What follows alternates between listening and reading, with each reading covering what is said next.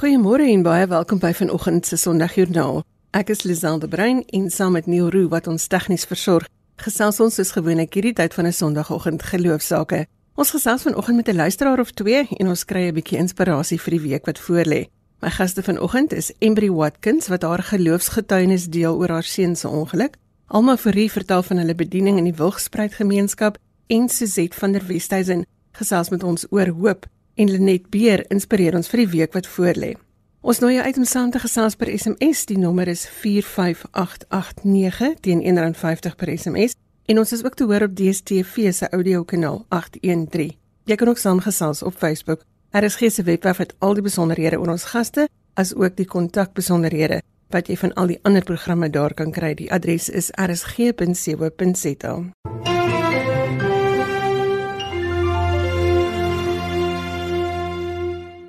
Die Watkins gesin woon in Jeffreys Bay en ons gesels vanoggend met Embry Watkins oor die gesin se pad met geloof. Goeiemôre Embry. Môre Lisel, hoe gaan dit? Dit gaan met my baie goed, dankie. Jy het 'n geloofstorie rondom julle seun Sarel. Jy noem hom 'n wandelende wonderwerk. Vertel ons daarvan. Ons het uh, uh, in 2016 nog in uh, Bethlehem gebly en in 29 Julie 2016 was Sarel ag hierdie aand omtrent in 'n motorongeluk saam vier ander maats. En ek het voor die ongeluk so 'n koue rilling deur my gekry, laat ek my gevoel het as ek nou iets slegte nuus kry, sal ek dit kan hanteer. Ons het 'n later die aand uitgevind Sarah het sy nek gebreek deur die SMS wat ek gekry het met 'n foto op, het ek besef ons is in baie baie groot moeilikheid. Hy het dadelik na die ongeluk gesê hy kan nie sy arms of sy bene voel nie en hy het dadelik hardop begin bid. Ons het alles in ons vermoë gedoen om hierdie kind by 'n goeie neurochirurg in die Kaap te kry kosbare tyd het verbygegaan. Die volgende oggend is hy eers per ambulans vir Somersetwes vergeleë medikliniek toe en hy het so kwart voor 8 daar aangekom. Die vlug Kaap toe van ons moes eers van Bethlehem af Johannesburg gery. Die vlug Kaap toe was nie vir ons maklik gewees nie want ons het geweet dit gaan nie 'n mooi gesig wees wat ons aan die ander kant gaan sien nie. Toe ons by Sarel kom, was hy nog vasgemaak op die trauma bord.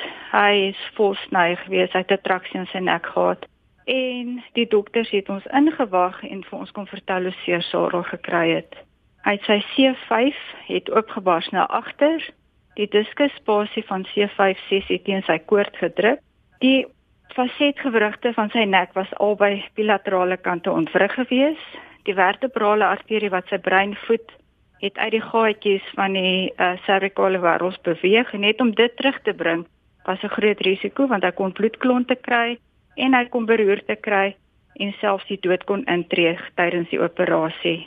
Hulle kon ook sy stembande raak gesny het as gevolg van die swelling en die bloeding wat in sy nek was van die lang tyd vandat hy seer gekry het totdat hy by die operasie was. So nou sy sussie het hom ingewag by die hospitaal waar sy hom daarom kon ondersteun het en die dokter het vir gesê die afsnypunt is 1 uur vanmiddag, dit was nou die Saterdagmiddag. Dan moet hulle hom teater toe vat, hulle kan nie langer wag nie hulle wou gehad het sy met die risikovorm teken en ja, toe het hulle nou vir ons gewag om hom te groet en Gerard het, het dit nou geteken. Op die vliegtuig het ek vir die Here gesê ek kan maar vir Sarah as dit 26 jaar en 8 maande vir ons genoeg was, is dit reg met my want ek het geweet ek en ek kan ook in enige toestand Sarah vir ons teruggee. Ek sal hom kan hanteer want ek het geweet die Here gaan ons help om dit te kan doen. Die operasie het van 1:00 die middag tot 10:00 die aand geduur. Hulle het 10:00 begin toemaak nadat hulle hom eers van voor oopgesny het, toe agter, toe weer voor, toe weer agter en so het hulle toe nou toegewerk en elke 2 ure het hulle vir ons laat weet hoe die stand van die operasie gaan. Na die operasie het die dokters vir ons kom sê hulle glo die uitkoms was goed geweest, maar egter ook gesê die pad van herstel is baie lank en of Sarah dalk ooit in volle sal kan herstel. Die nuus het uh, op van die ongeluk het ek op sosiale media gesit dat, dat daar mense is wat vir ons kan help bid, want dit is my gevoel ons alleen is te min gewees. Die dominees van Sarah in die strand en selfs ons eie dominee van Bethlehem het hier gevlieg na ons toe om ons te kom help in die swaar tye. Na die operasie het hulle ook vir ons gesê daar's kan bloeding intree en daar kan ook infeksie intree wat die protese wat hulle in sy nek gesit het kan verwerk. Die 10 dae na die operasie het hy toe meer infeksie gekry wat hulle vinnig moes opgetree het. Na die operasie kon Sarah sy regter wysvinger en duim minimaal beweeg. Ons het 24 uur by hom gebly en sy hande oopgevryf en sy bene beweeg en die hele tyd met hom gepraat. Hulle het hom gelukkig onder 'n sedasie vir ons teruggestuur, intensiewe eenheid toe nie. Twee dae na die operasie het daar nou vinnig begin mense intree, fisioterapeute en arbeidsterapeute wat met hom begin werk het wat ook vir ons gehelp het om dit te kan doen. En toe hy nou moes begin sit het hy vir 10 dae op sy rug gelê en 10 dae na die fisioterapeute om met hom gewerk het, toe moet hy sit. Toe kon daai kind nie sit nie, daai lang lyf, hy's 1.87 meter het net geval. So ons moes hom leer sit en ons het 'n ondersteuningsband om sy lyf gesit en ons het as jou fisioterapeute en arbeidsterapeute uitgegaan het, het ons ingegaan en ons het gekyk wat hulle doen en ons het aangegaan met dit. Sorrel kon na 'n dag daarom sit en toe ons nou weet hy kan nie sit nie, het ons nie besef as hy nie kan sit nie, wat nog van staan en loop. So dit was nog regtig waar het besef, toe het ons eers besef wat is 'n lang pad van herstel. Wat gebeur in 'n maat se hart as jy jou kind so moet sien? Waar waar gaan al jou geloof? Dit was my baie erg. Ek is 'n radiografis, so ek het presies geweet wat die pad vorentoe is. Die eerste wat in my gedagte opgekom het is ek moet nou sterk wees. Ek mag nie huil nie. Dit ek het dit vir die Here gevra bly help ons deur hierdie groot groot seer wat ons in ons hart het so het ons ons Bybels gevat en ons het gelees en onder Psalm 91 en 121 in die hele tyd in my gedagtes afgespeel. Ek het net gesien hoeveel mense in rolstoele is. Sal Sarel dit kan hanteer? Dit was my eerste gedagte. Sal hy dit kan hanteer? Sal hy oukei okay wees daarmee? En ek het vir die Here gevra, hy moet ons help om vir my die regte pad te wys en laat ek net nie my geloof moet verloor hierson nie. So dit is net ons het net vasgehou aan ons geloof. Dis al ons kon net bid. Ons het vir 2 dae nie geëet of geslaap nie. Ons het soos van soos net ons was ook nie moeg nie. Ons het net die hele tyd positief gewees en die Heilige Gees het ons net beskerm dat ons geen negatiewe kommentaar gehoor het want almal wat ek geken het het my en selfs van die radioloog vir my gesê Embry daar's baie slegte nuus, sorg van nooit weer loop nie.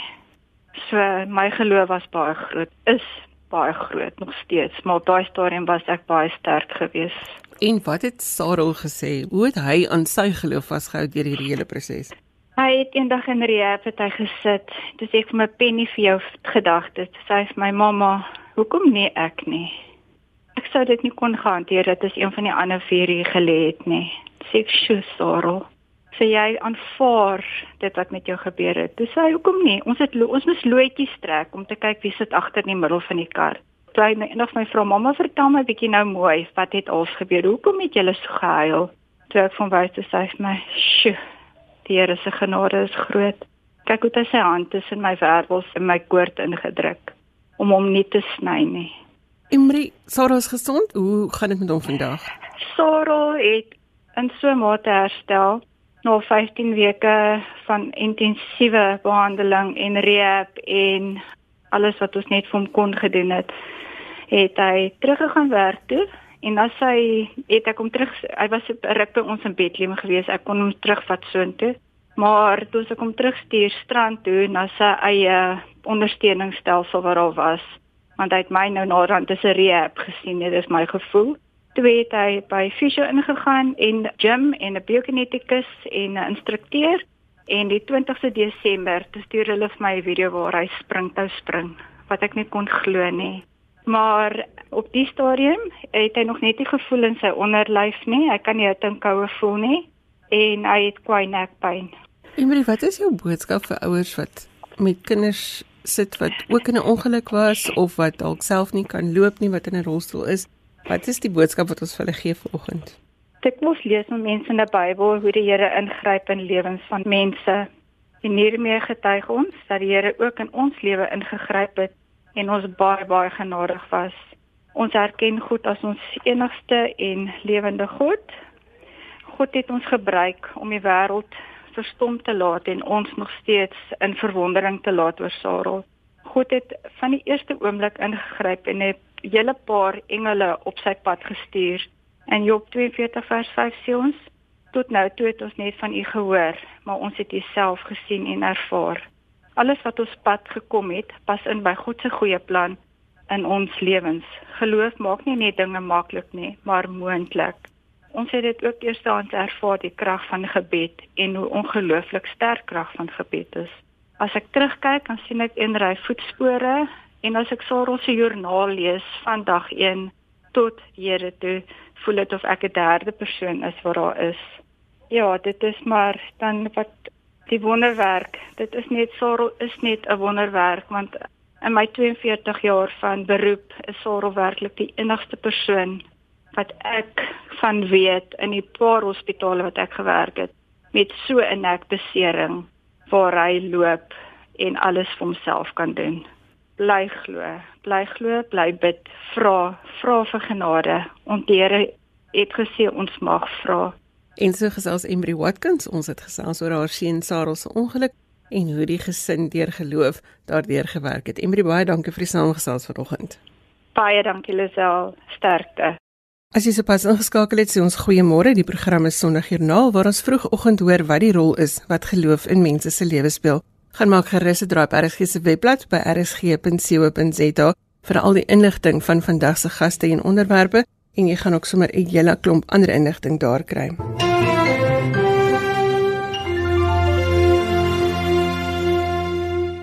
Suzette van der Berg is van Vredendaal en gesels ons oor die onderwerp van hoop. Goeiemôre Suzette. Goeiemôre, goeiemôre luisteraars. Hierdie tyd van die jaar kom ek agter dat mense hoop nodig het. Dink jy dit is moontlik om hoop te hê wanneer alles so donker om ons lyk? Ja, Lisel, um, ek het geleer uit eie ervaring dat daar is niks onmoontlik by God nie.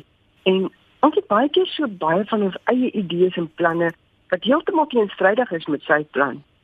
Maar wanneer ons terugkom na hom in sy woord, dan sal so baie van ons vrae beantwoord word en op die donkerste van die nag, dan sal die lig vir ons deurbreek.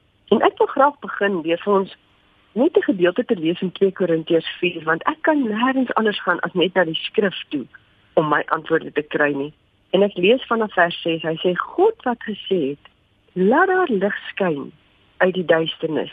het ook in ons harte 'n lig laat skyn om ons te verlig met die kennis van die heerlikheid van God wat van Jesus Christus uitstraal.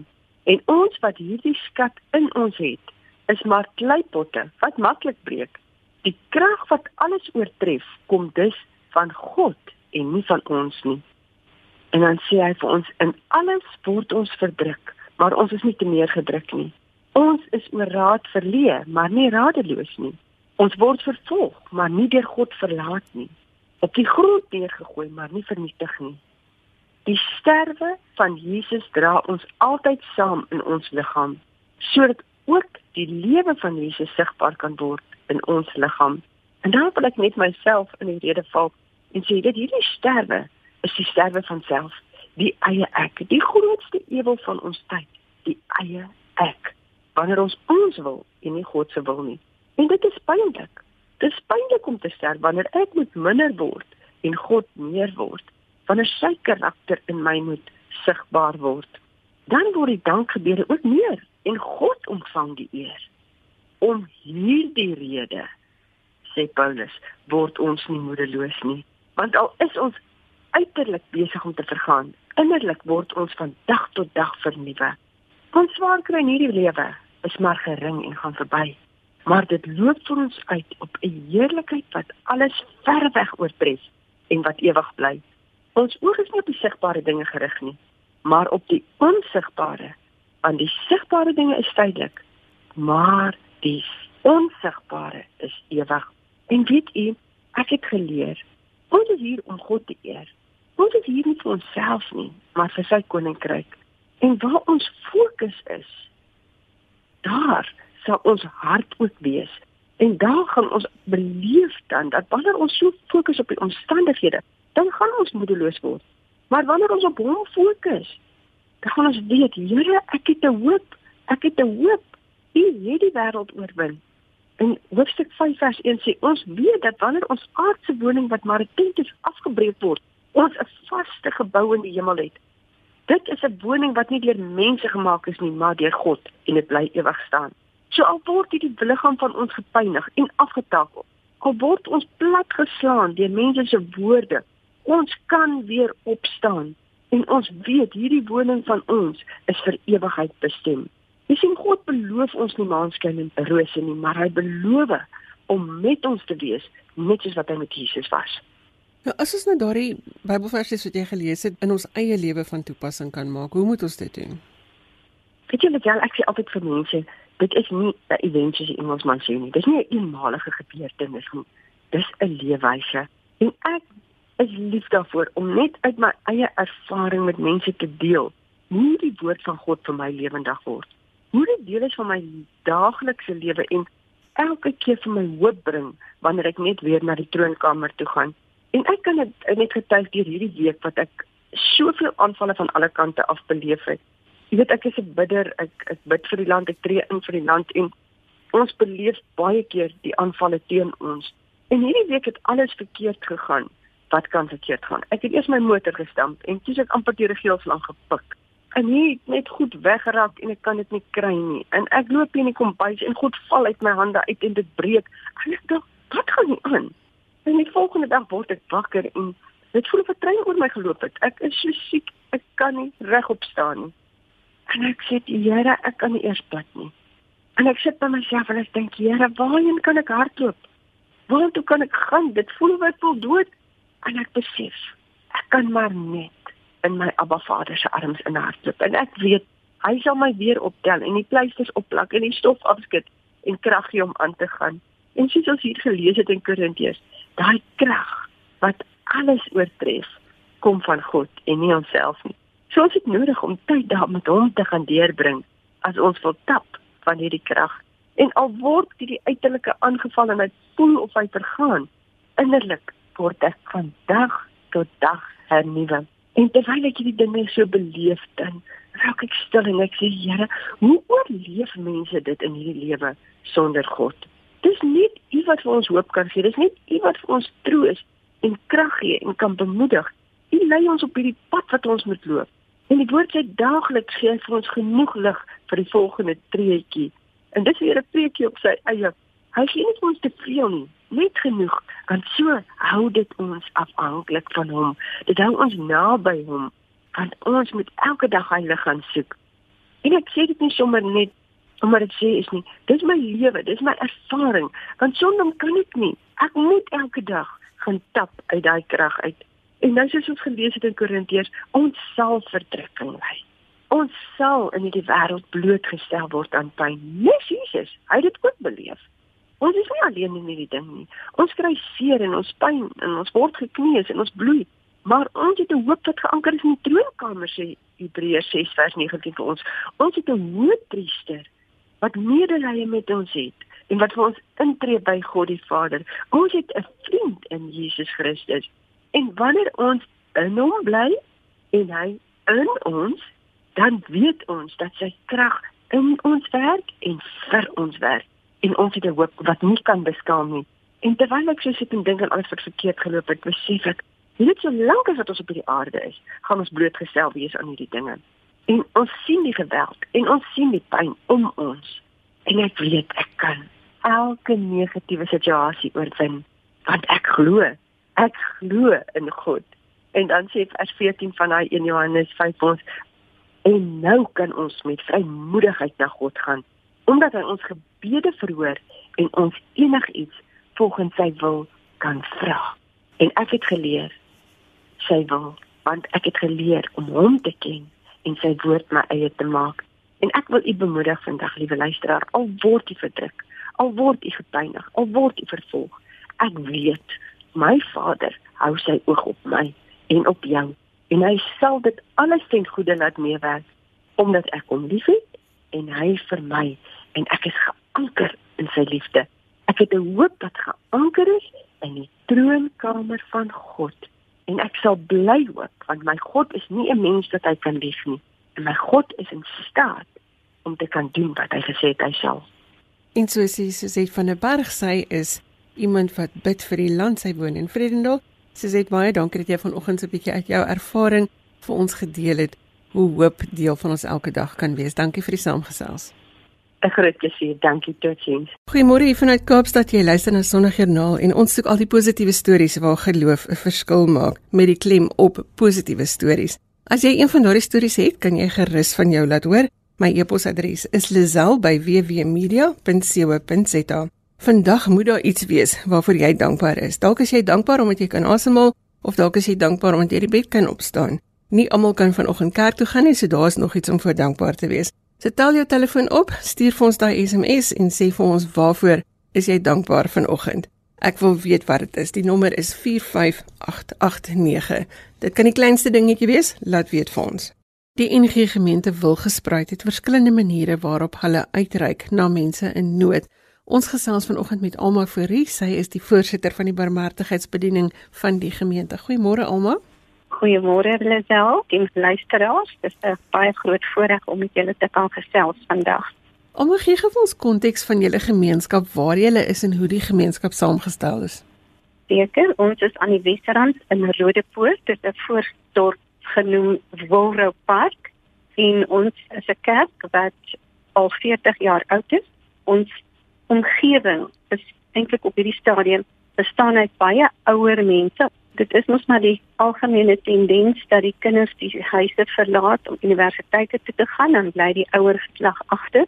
En ons is een van daardie omgewings waar daar nou hoofsaaklik baie ouer mense is, maar ons bestaan ook uit jong mense. Jy kry mos die ou verhaal van die treinspoor.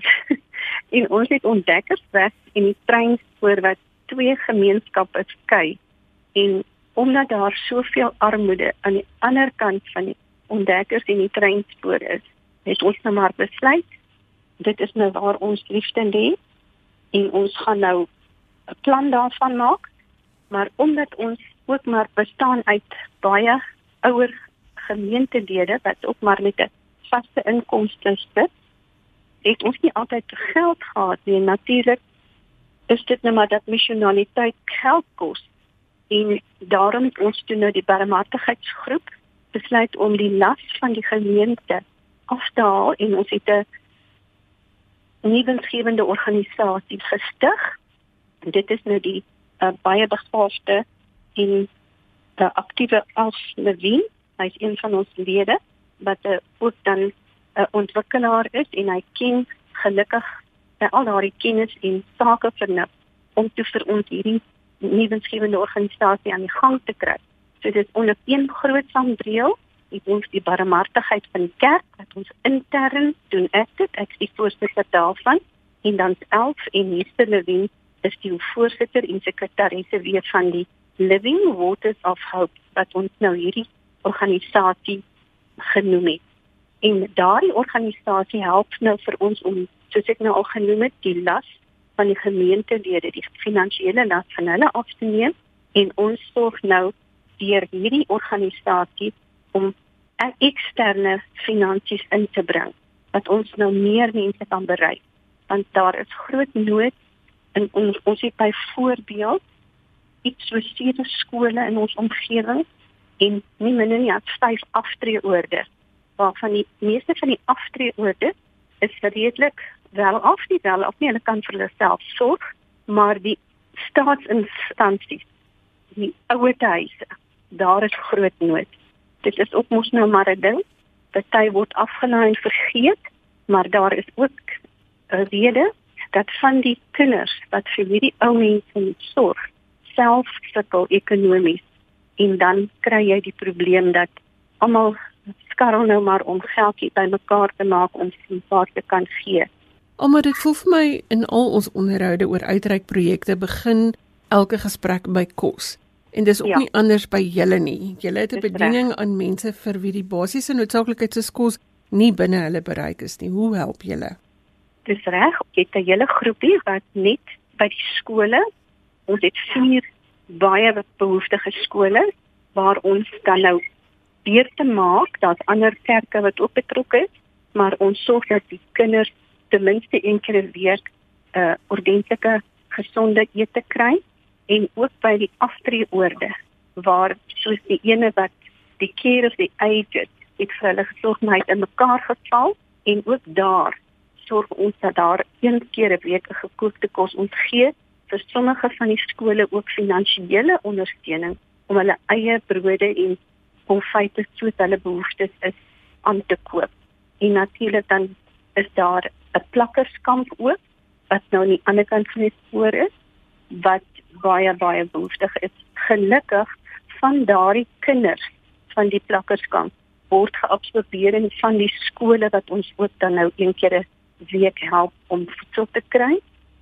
En dan gee ons die uh, plakkerskamp daar 'n uh, een gebou wat eintlik 'n ou opstel was van een van die plotwonings waar ons ook dan een keer 'n week groente en broodjies en goeders alles wat hulle nodig het vat ons soontoe en hulle sorg dan vir omtrent plus minus 80 ou mense en dan kleertjies wat nog voor skool is. Die kinders wat skool gaan word dan gedek by die skole waar hulle dan daar elke dag 'n broodjie ten minste twee snytjies brood met 'n vrug of wat die skool voorvra wat ons dan voorsien. Het sy dit nou fisies die brode wat ons hulle vat of ons finansiële ondersteuning wat dat hulle self wat hulle behoeftes is te kan gaan aankoop. En jy het ook byvoorbeeld 'n tweedehandse klerebediening. Ja, en dit is ook nou nog 'n breinkind van 'n paar van ons dames wat ons besluit het, hoe gaan ons nou maak om geld in te samel? Dit ons besluit ons vra vir die gemeente om hulle kaste skoon te maak en vir ons die tweedehandse klere te gee wat ons dan elke einde van die maand, die naaste dag aan die betaaldag, doen ons 'n uh, klere verkooping baie redelike pryse aan die gemeenskap. Hulle kom, hulle koop 'n item van R15 of R10 en dan het hy daarmee 'n broek of 'n hemp om aan te trek. Daai geld gebruik ons nou weer om voedsel aan te koop. En dan eh, het ons ook ander goede wat ons doen. Dit byvoorbeeld van hierdie aftreeorde is daar sekerboeg. En van die ou dames kan glad nie meer by hulle voete uitkom nie. Ons voorsien ook dan nou vir hulle toiletware en ons doen hulle voete byvoorbeeld by een of twee van die oorde. Wat ons ook dan doen, ons predikante doen op baie besoeke en as hulle kom rapporteer, dan sal ons soos 'n borg fonds het ons waar ons vir van die mense hulle huur van die woonstelle betaal. En dan ook vir baie van die mense in die sekere aftreeoord wat baie behoeftig is, van onsself die doeke aankoop. Sjoe, dit klink vir my julle doen nou alle muntige werk. Kan ek gevra om wat is die rol wat geloof speel in dit wat julle doen? Ons is baie geseënd. Ons gemeente is nou so 40 jaar oud. En soos ek sê daar sit baie gryskoppe, maar ons het twee pragtige predikante Dominee West en Bram Smit wat sorg dat ons elke jaar afskop met 'n 40 dae kursus. Ons doen vir hierdie jaar weer gehad van skool en ons het nou baie geleer ons kursusse vir al die een wat ons die jaar gedoen het nooi die Here om ons volg my is sy sleutelwoorde en kom stap saam met my in my skoene en dan soos Jesus toe hy by aardbol was het hy vir ons ook gewys jy beweeg tussen die armes en die mense wat jou nodig het en 'n mens voel dat jy dra die liefde van Jesus uit as jy vir die mense so help en ondersteun En ja, dit is vir ons net 'n wonderlike voorreg omdat ons ook 'n bejaarde, nie bejaarde nie, dit ouer mense in die in die kerk. Is dit asof ons passie, dis ons ouma, ons wil graag versorg. En ja, saam met die Here se leiding en ons twee predikante se leiding, weet ons dat dit is waar jou waarde lê. Ons het ook natuurlik ons jonger predikant Dominee Smit is baie lief dat ons bedienings. Ons het 'n paar bedienings in ons kerk en hy sorg dat die bedienings saamwerk.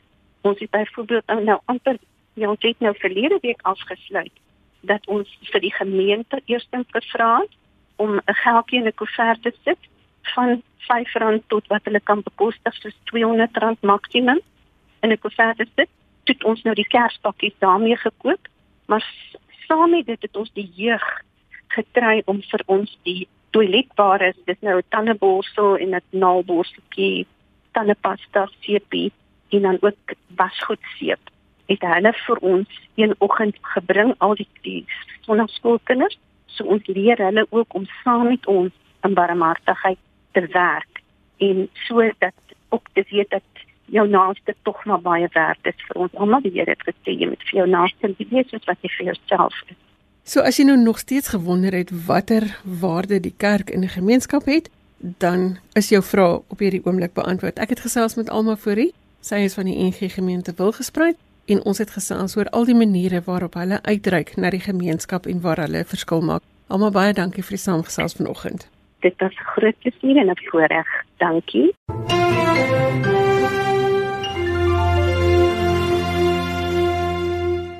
Lenet Beer is 'n lewensafrigter wat daagliks mense inspireer en vanoggend het ek haar gevra of ons kan gesels oor die storms van die lewe, wat ons moet doen om ons grond omgeploeg te kry vir die 2020 en hoe ons die plaag gaan beheer wat ons vreugde wil steel. Goeiemôre Lenet. Môre Lisel. Ons staan aan die begin van 'n nuwe jaar en ons almal weet die sukses van 'n goeie oes lê in grond wat goed voorberei is. Help ons daarmee. Ja, Lisel, kyk, elke begin van die jaar beleef ons mos maar gemengde gevoelens. Kyk, daar is enerzijds 'n gevoel van nuutheid in die lug en sommige van ons maak nuwejaarsvoornemens al lê laas jaar sin al toe onder die stof. Maar anderzijds is ons bekommerd. Ons is bekommerd oor ons finansies, dalk ons gesondheid en beslis oor die droogte waaraan ons nou niks kan doen nie. Ons leef onder groot druk en daar is net een feit waarvan ons kan seker wees dat die druk word al hoe meer en die kanse dat vanjaar se uitdagings meer en groter gaan wees as laas jaar is goed. Maar die belangrikste ding wat ek en jy moet besef is dat God se karakter nooit verander nie. Ons dien 'n God wat wil hê dat ons 'n lewe van oorvloed moet lewe ten spyte van 'n gebroke wêreld met daaglikse uitdagings.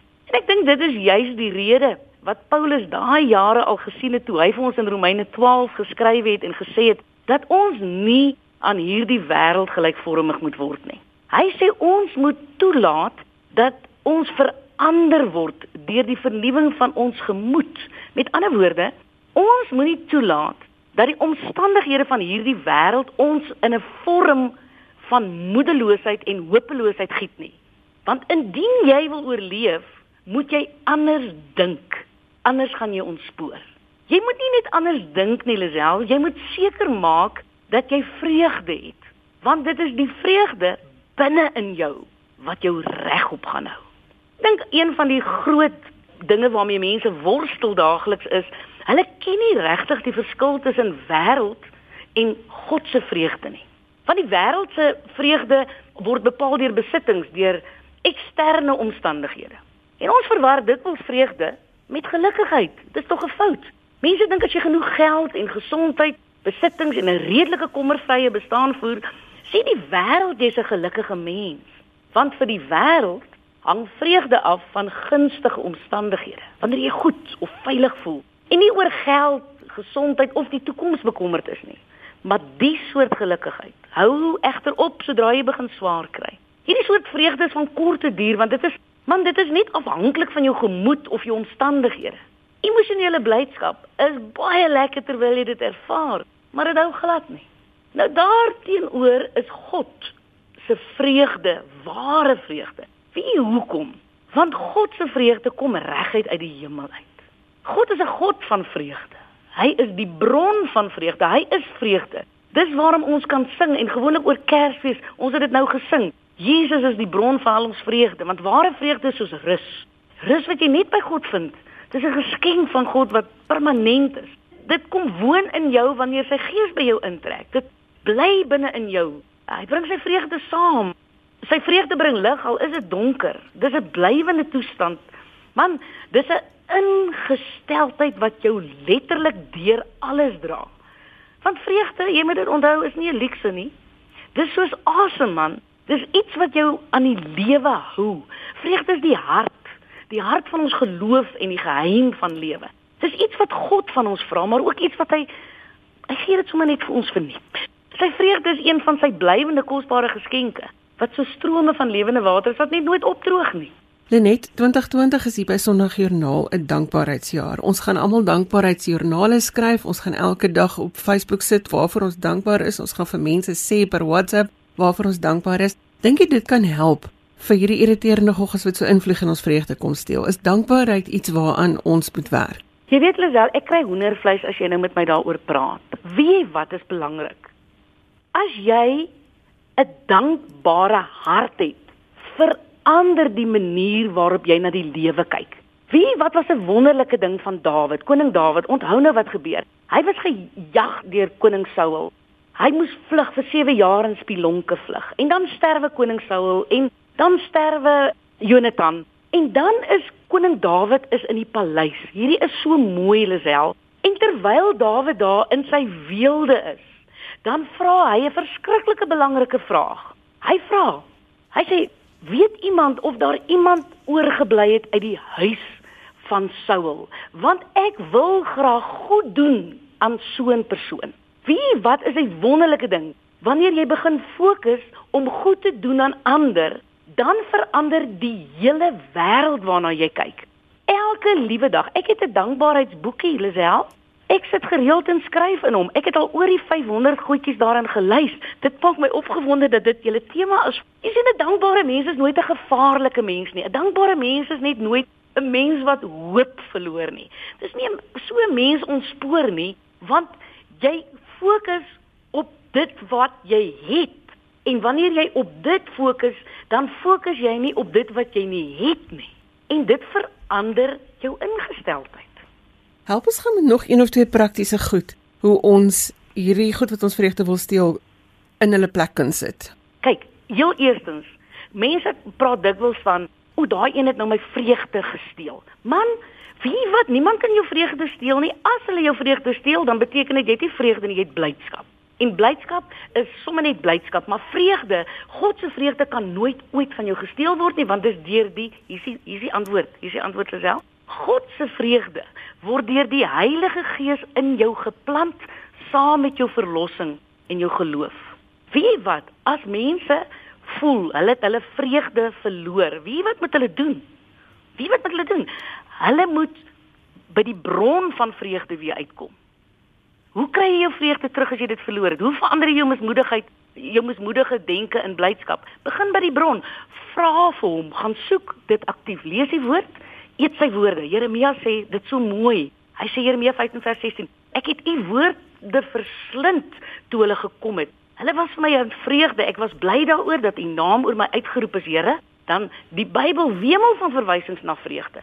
Gaan stiffel hulle bietjie uit man. Verskillende vertalings lees dit en spreek dit soos mantras oor jou eie dag uit.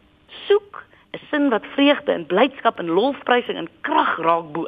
Elke dag luister ek da geestelike liedjies wat my oplig. Doelbewus moet jy die woord gaan verslind.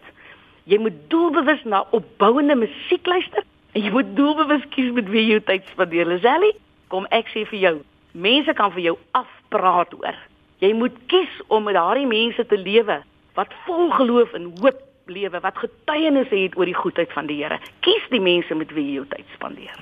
Lenet, baie dankie. Ek dink jy het vir ons baie praktiese raad daar gegee gaan boor in die woord, kry vir jou boor daar raak iets wat vir jou vreugde gee. Sorg dat dit vreugde is en nie net blydskap nie en maak seker dat jy jou omring met positiewe mense en dan natuurlik kry jou dankbaarheidsjoernaal gereed en skryf elke dag een of twee of drie dingetjies neer waarvoor jy dankbaar is. Ons wil dit sien oral op ons WhatsApp, op ons Facebook.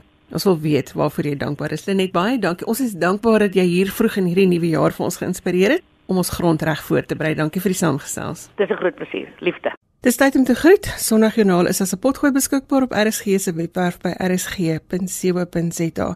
Jy kan gaan soek by die potgooi opsie. Dis op die boonste skakel links in die hoek. As jy Sondagjoernaal daar intik met vandag se datum, sal die program daar wees. Jy kan ook vir my e-pos met kommentaar of as jy 'n geloofstorie of 'n dankbaarheidstorie het om met ons te deel. My e-posadres is lizel@wwmedia.co.za. Ons gaste vanoggend net weer ter herinnering was Embry Watkins Sy het gesels oor haar seun se ongeluk. Alma Fourie het vertel van hulle bediening in Wilgespreid. Suzette van der Merwe het met ons gesels oor hoop en Lenet Beer het ons geïnspireer vir die week wat voorlê.